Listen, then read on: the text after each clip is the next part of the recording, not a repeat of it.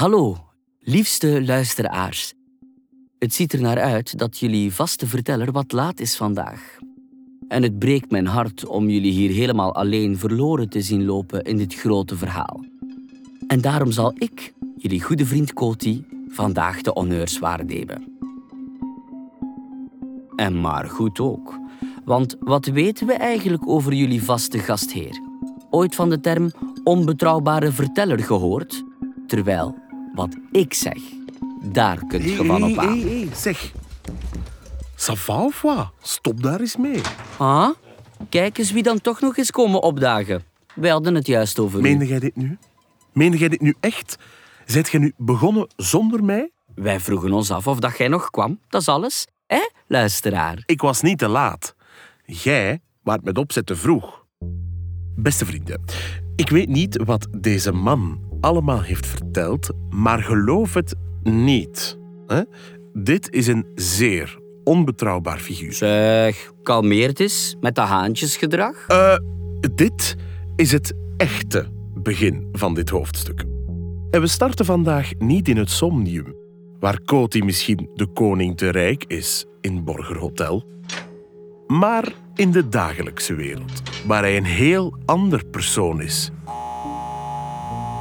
Een veroordeelde crimineel die zijn dagen slijt in een gevangeniscel van drie op vier meter.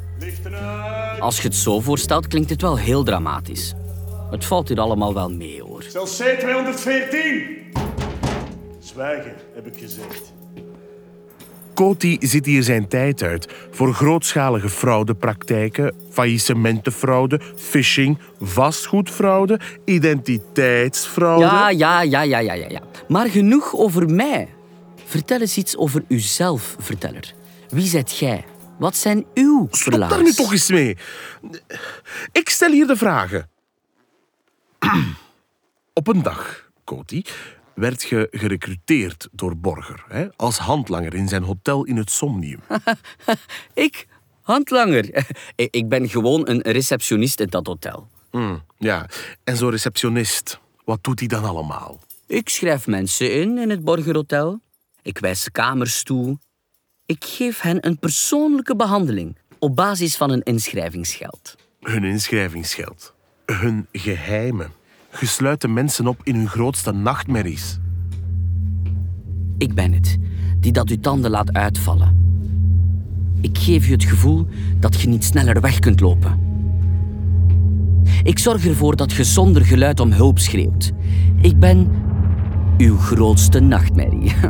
Zwijgen, heb ik gezegd. Waarom? Waarom u zo inzetten voor nachtmerries? Als verteller zou jij dat moeten weten. Angst is iets primitiefs. Het zorgt voor een reactie die je nu eenmaal niet krijgt met gelukzalige dromen. Bange mensen gaan op zoek naar oplossingen. En de business van de oplossingen is stevig in handen van Borger. Jij voelt nu eens echt geen enkele spijt, hè, Coty, over waar dat jij mee bezig bent. Mensen bedriegen is het enige talent dat ik ooit heb gehad. En in het somnium kan ik dat talent op een heel ander niveau inzetten dan in de dagwereld. Waarom werkt je dan voor Borger in het Somnium? Waarom niet gewoon vrij rondlopen in het Somnium? Omdat Borger mij betaalt en eens hij door onze nachtmerries genoeg macht heeft verworven in de dagwereld, dan kan hij mij hier vrij krijgen. En Alexi dan? En Katoka? Die twee arme meiden. Het is zo'n zonde om hen te moeten martelen met hun eigen diepste trauma's. Maar welke keuze had ik? Ze kwamen steeds dichter bij Lucas. Hem kwijtraken zou catastrofaal zijn voor het grotere plan. Dus iedereen moet hier maar afzien met duistere dromen, zodat mensen als jij vrijgelaten kunnen worden? Het is eten of gegeten worden. Het heeft echt geen zin om je daar als dartelveulen tegen te verzetten. En hoe sneller die meiden dat leren, hoe beter.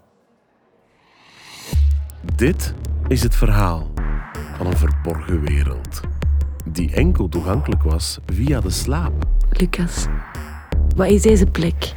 Het somnium. waar te lang verblijven onvermijdelijk betekende dat je er een prijs voor moest betalen. Wie hoog vliegt in de nacht, is gedoemd om te vallen overdag. En waar de zoektocht van een jonge vrouw naar haar verboden liefde What the fuck? Lucas? Steeds meer begon te lijken op een zoektocht naar zichzelf. Ik herinner me deze. Dit is mijn verjaardag. Mijn verjaardag? Ze gaat ons allemaal in gevaar brengen. Grijp haar! Allen losse! Oh, blijf daar! Help! Hoofdstuk 6 Kamer 101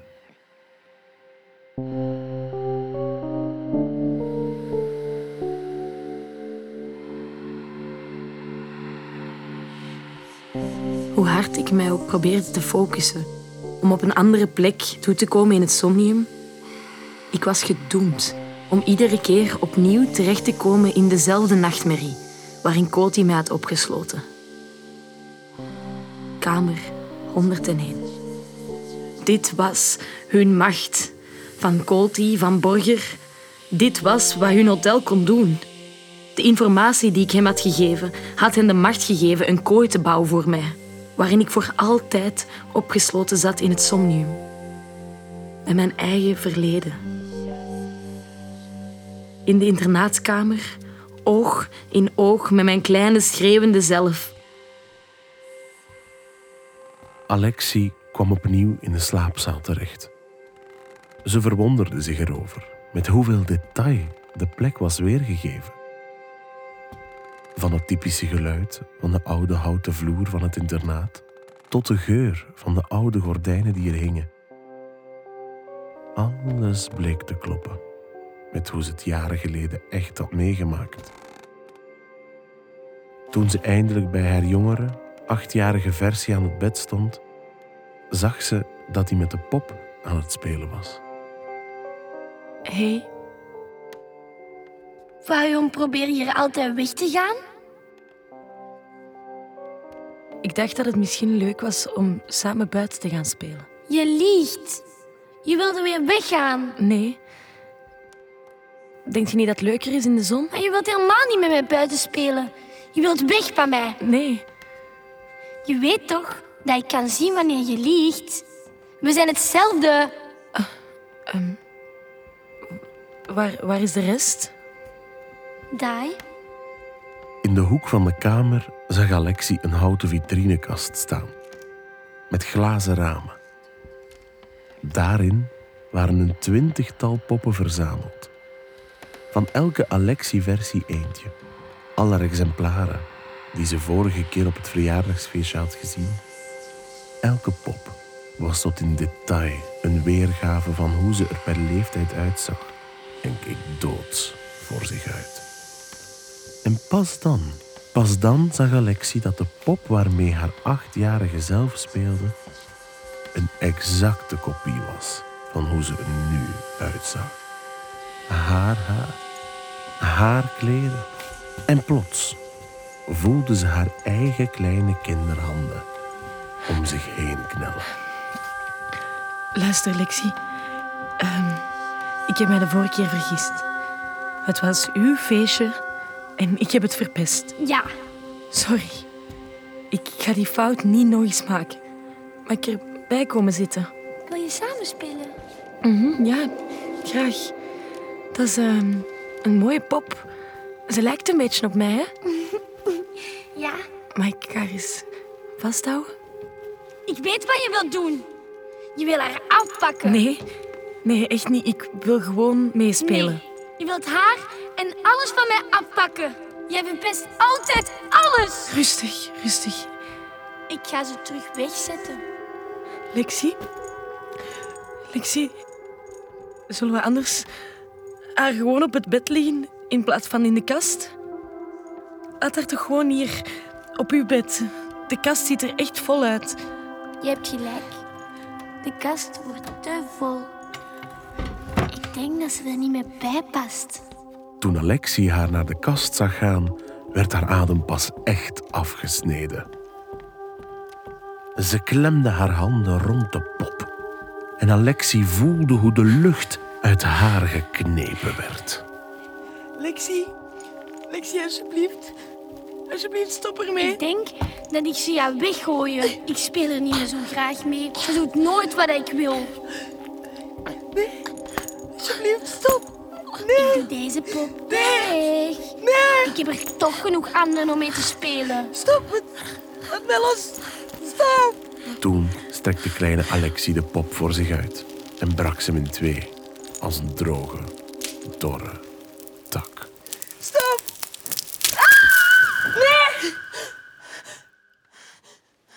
Tot haar verrassing zat Olivier bij het ontwaken alweer naast haar op haar bed. Maar in tegenstelling tot de vorige keer voelde ze bij zijn aanwezigheid nu niets anders dan een warm gevoel van verbinding en troost. Rustig. Ik ben hier. Oké, oké. Huh? Is een nachtmerrie. Je bent wakker nu, oké? Rustig. Sorry, Ollie. Sorry. Hoe bedoelt je? So- sorry voor wat? Sorry voor alles. Sorry. Ik, ik blijf hier. Ik ga hier blijven. Ik blijf. Ik blijf. Ik blijf. Ik blijf. Ik blijf. Ik blijf. Ik blijf. Ik blijf. Ik blijf. Ik blijf. Ik blijf. Ik blijf. Niks. Kalm. Rustig. Wat is er eigenlijk met u?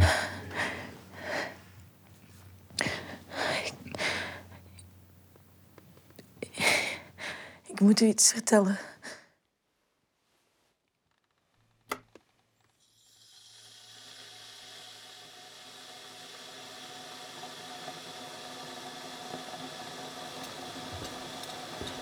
De kamillethee was op. Het is mint geworden. Nee, dat is oké. Merci.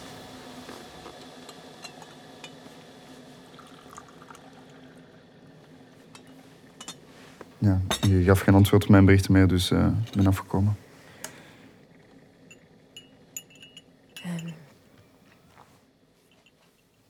Weet je nog dat ik u heb verteld over mijn achtste verjaardag? Op het internet. Ja, de dag dat mama en papa voor het eerst op buitenlandse missie gingen. Daar, daar droom ik tegenwoordig veel over. Over hoe dat zij vertrokken en ik alleen achterbleef. En is er een reden waarom je nu ineens zoveel over droomt? Ja. Ja, maar ik kan het u moeilijk uitleggen. Je kunt het niet of je wilt het niet. Ollie?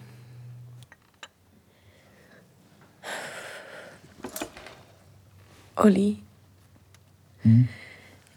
Ik heb u bedrogen. Met Lucas. Vorig jaar zijn we met elkaar iets begonnen. We zijn elkaar beginnen zien naast de lessen. En dan... Het spijt me echt waar dat ik u dit heb aangedaan. Dat was niet mijn bedoeling. ik Lex, was fa- stop. Stop hiermee. Ik heb het allemaal gehoord. Wat? Van Hanna. Hanna. Ja, ze heeft mij alles verteld. Over hoe je denkt dat jij en Bloemendaal iets hadden in een fantasiewereld. Het is ook echt gebeurd. Lex, alstublieft. Ik hoorde het geluid waarmee je in slaap bent gevallen. Door uw koptelefoon in uw bed. Dat zijn dus die geluiden waardoor hij zogezegd in coma is geraakt, of wat? Ollie, wacht, luister. Heeft hij u dat doorgestuurd? Ja, maar we spraken ook in het echt af. Dit is allemaal echt. Nee, nee, nu niet meer. Dankzij mij. Ik heb het gewist. Het is weg. Het geluid, uw mail. Mijn telefoon. Waar ligt die? Ik kan het niet meer aanzien, Lex. Waar ligt mijn telefoon? Hoe je altijd meer en meer de weg kwijtraakt. Olivier, waar ligt mijn gsm? Hoor jezelf nu bezig. Je beseft niet eens hoe ziek dat jij het bent aan het worden. Luister. Ze hebben tegenwoordig medicatie tegen nachtmerries. Hè? We gaan gewoon... Ollie, waar is mijn telefoon? Hier, pak hem dan. Ga niks meer vinden. Nee, nee, nee, nee, nee, nee, nee, nee. Ga weg. Ga weg, Ollie!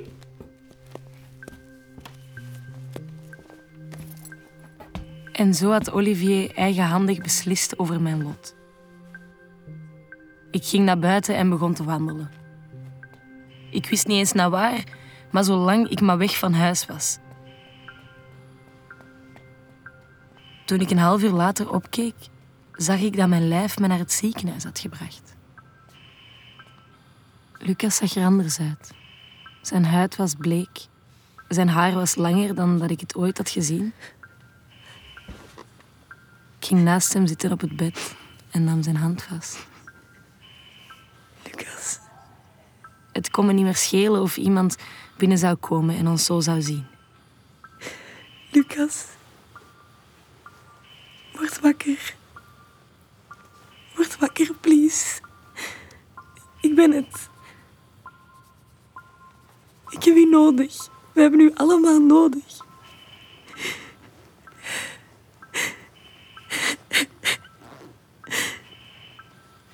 Waarom word je godverdomme niet wakker? Lucas.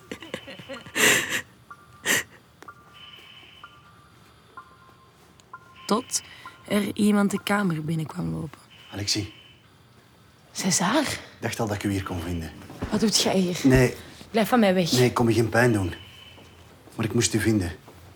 In het echt. Uw gezicht. Je hebt gevochten. Ja, maar dat maakt niet uit. Er is iets gebeurd. Niet in het Somnium, maar hier, beneden. Het gaat over Katoka. Katoka? Ik heb haar gisteren voor het eerst hier beneden gezien. Wat scheelt er met haar? Ze ligt op spoed. Wat is er gebeurd? Onze bende had een vrije avond gekregen van Borger. Dus we spraken niet in het Somnium af, maar hier in de dagwereld. En ineens zagen we twee vrouwen op straat, hand in hand. We hadden wat gedronken, ja. Een van ons begon hen lastig te vallen. Pas toen zag ik dat zij het was. Katoka. Ja. Zij en haar vriendin. Het was zo raar om haar voor het eerst in het echt te zien. Wat hebben jullie gedaan, César? Er is een gast die al een hele tijd bij Borger wil opvallen.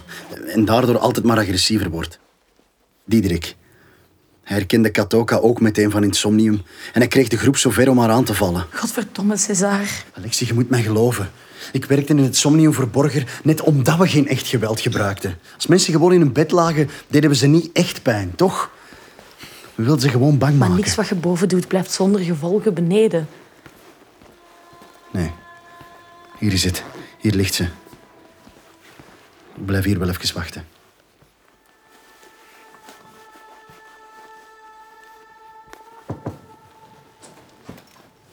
Katoka. Blondie. Van alle dagen dat je eruit kon kiezen om mij in het echt te zien, is deze echt niet de beste. Ik ben zo blij dat ik u zie. Ja. César heeft mij alles verteld. Kent je die mop van een kerel die elke nacht doodschiet in je dromen om je dan het echte leven te komen beschermen?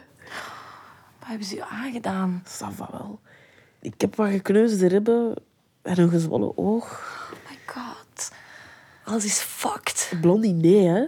Dit is niet het moment waarop je opgeeft. We gingen de dingen toch veranderen? Het is te laat, denk ik. Ja, ik ben nu al daarboven kwijt. En Olly die heeft het geluid gewist. Het is niet te laat. Integendeel. Het is eindelijk begonnen. Wat bedoelt je? De nachtmerriekamer. Van Coty? Ja. Ik ben van de mijne verlost. Huh? Hoe? Iedereen die in die kamer terechtkomt, die weet hoe. Het is gewoon niet gemakkelijk. Oh, blondie. Weet je waarom ik niet wilde dat je mij hier beneden zag? Nee. Omdat ik hier beneden maar een schim was van wie je kon zijn. Daarboven was ik Katoka. Snap je? Maar in het echte leven had ik mezelf opgesloten. Ineens kwamen die paniekaanvallen. En dan het vermijden van sommige plaatsen. Uiteindelijk kwam ik helemaal niet meer buiten. De hele wereld die mij aanviel om wie ik was. En met wie ik was. Dat was het geheim waar ons Coty mijn nachtmerrie had gebouwd. Maar toen ik zag welke macht hij over mij had, besloot ik daar iets aan te doen. Ik ging naar buiten. Ik ging voor het eerst weer uit met mijn vriendin. En op de dansvloer werd ik aanvaard. Gevierd zelfs. Maar buiten belanden wij ineens van de hemel in de hel. Die jongens waar César mee optrok, het waren mijn demonen die me hadden opgezocht. En zelfs in dat donkerste moment zag ik hoop. Want net mijn vijand van in de droomwereld, die schoot ineens te hulp. De nachtmerrie waar Coty mij mee gijzelde, ik was er gesterkt uitgekomen. toen het voorbij was, wist ik één ding. De enige die ze verdreven hadden, was de oude Katoka. De Katoka die binnenbleef en haar angst haar hele leven liet bepalen. Dat is hoe je hem verslaat, Blondie. Ze kunnen niks beginnen tegen iemand die bereid is haar diepste angsten aan te gaan. Dus, zijt je klaar om de oude Alexie achter te laten? Ja. Oké, wie van jullie twee bezorgt mij het geluid om weer naar boven te kunnen reizen? Je ging terug? Een laatste keer. Ik kwam weer in de slaapzaal terecht. Ik weet dat jullie er zijn.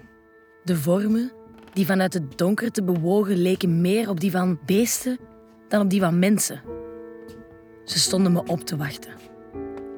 De slaapzaal had de allures gekregen van een arena, waarin ik in het midden stond als een gladiator. Eén voor één kwamen ze tevoorschijn, als roofdieren, die zich klaarmaakten om me aan te vallen, met signaal van mijn achtjarige zelf, die plaatsgenomen had op een troon aan het einde van de zaal. Ze riep haar troepen toe. Daar is ze. Zie je wel? Ze blijft maar terugkomen. We zijn niet veilig bij haar. Dit is de laatste keer dat ik het vraag. Nu moet ze dood. Aanvallen! Genoeg. Ik wil dat iedereen luistert. Ik ben hier klaar mee. Wat? Je bent een kind, geen koningin. Horen jullie dat? Ze, ze gaat alles verpesten. Aan. Waar wachten jullie op? Wij weten alles over u, maar jij kent niks van ons. Jij weet alleen wat jij hebt meegemaakt. En dat is moeilijk. En verdrietig. Ik weet het. Ja, onze ouders hebben ons achtergelaten. En dat doet pijn. Dat is verschrikkelijk beangstigend. Maar dat is niet alles wat er gebeurt. Je weet nog niet eens wat gaat komen. Je hebt er geen idee van welke momenten er nog voor ons klaar liggen in de toekomst. Waarop we gaan huilen van geluk in plaats van verdriet. Waarom zou jij dan alles mogen bepalen? Gewoon omdat jij het luidste roept? Uit angst? Jij bent bang dat wij je ook in de steek gaan laten, ja? Maar dat gaat niet gebeuren. Wij hier zien u allemaal graag. Je zult altijd belangrijk blijven. Maar je bent niet meer de baas. Dat ben ik. Allemaal doe iets. Ze gaan wegvluchten. Ze doen niks omdat ze weten dat ik gelijk heb. Ook zij zijn klaar om door te gaan, om mij te volgen. Kijk wat ze doet. Tada! Laat het los, Lexi. Tada! Hij valt uiteen. Het is uw verantwoordelijkheid niet meer om ons bijeen te houden. Alles gedaan wat je kon. Het is goed nu. Ik neem het van u over. Je gaat mij verlaten. Ik ga u nooit verlaten. Iedereen verlaat mij altijd maar. Ga met ons mee. Er zijn nog zoveel mensen die wij gaan worden. Wilt je ze niet leren kennen? Alexie ging naar het huilende achtjarig meisje toe. Om haar zachtjes in haar armen te sluiten, waar ze eindelijk mocht uithuilen. Bij het zien hiervan lieten de andere Alexi's in de ruimte hun wapens vallen. En glimlachten ze kort, voor ze tenslotte als een magische waaier in elkaar opgingen. Van klein naar groot. Tot ze samen de enige persoon vormden die er nog te zien was in de kamer. Alexie Spaak. César. Katoka. Blondie. Welkom terug, Alexie. Ik wist dat je het kon. Merci. We moeten hier weg voor ze jullie beginnen zoeken. We weten waar Lucas zit. Lucas? Ik heb hem gezien. Echt? Allee, kom, waar wachten we op? Blondie. Het ziet er niet goed uit.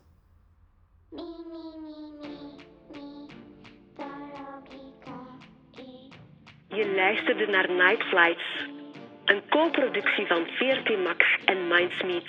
gecreëerd door Johansson. Gemaakt met steun van het Vlaams Audiovisueel Fonds van de Vlaamse overheid en de auteurs.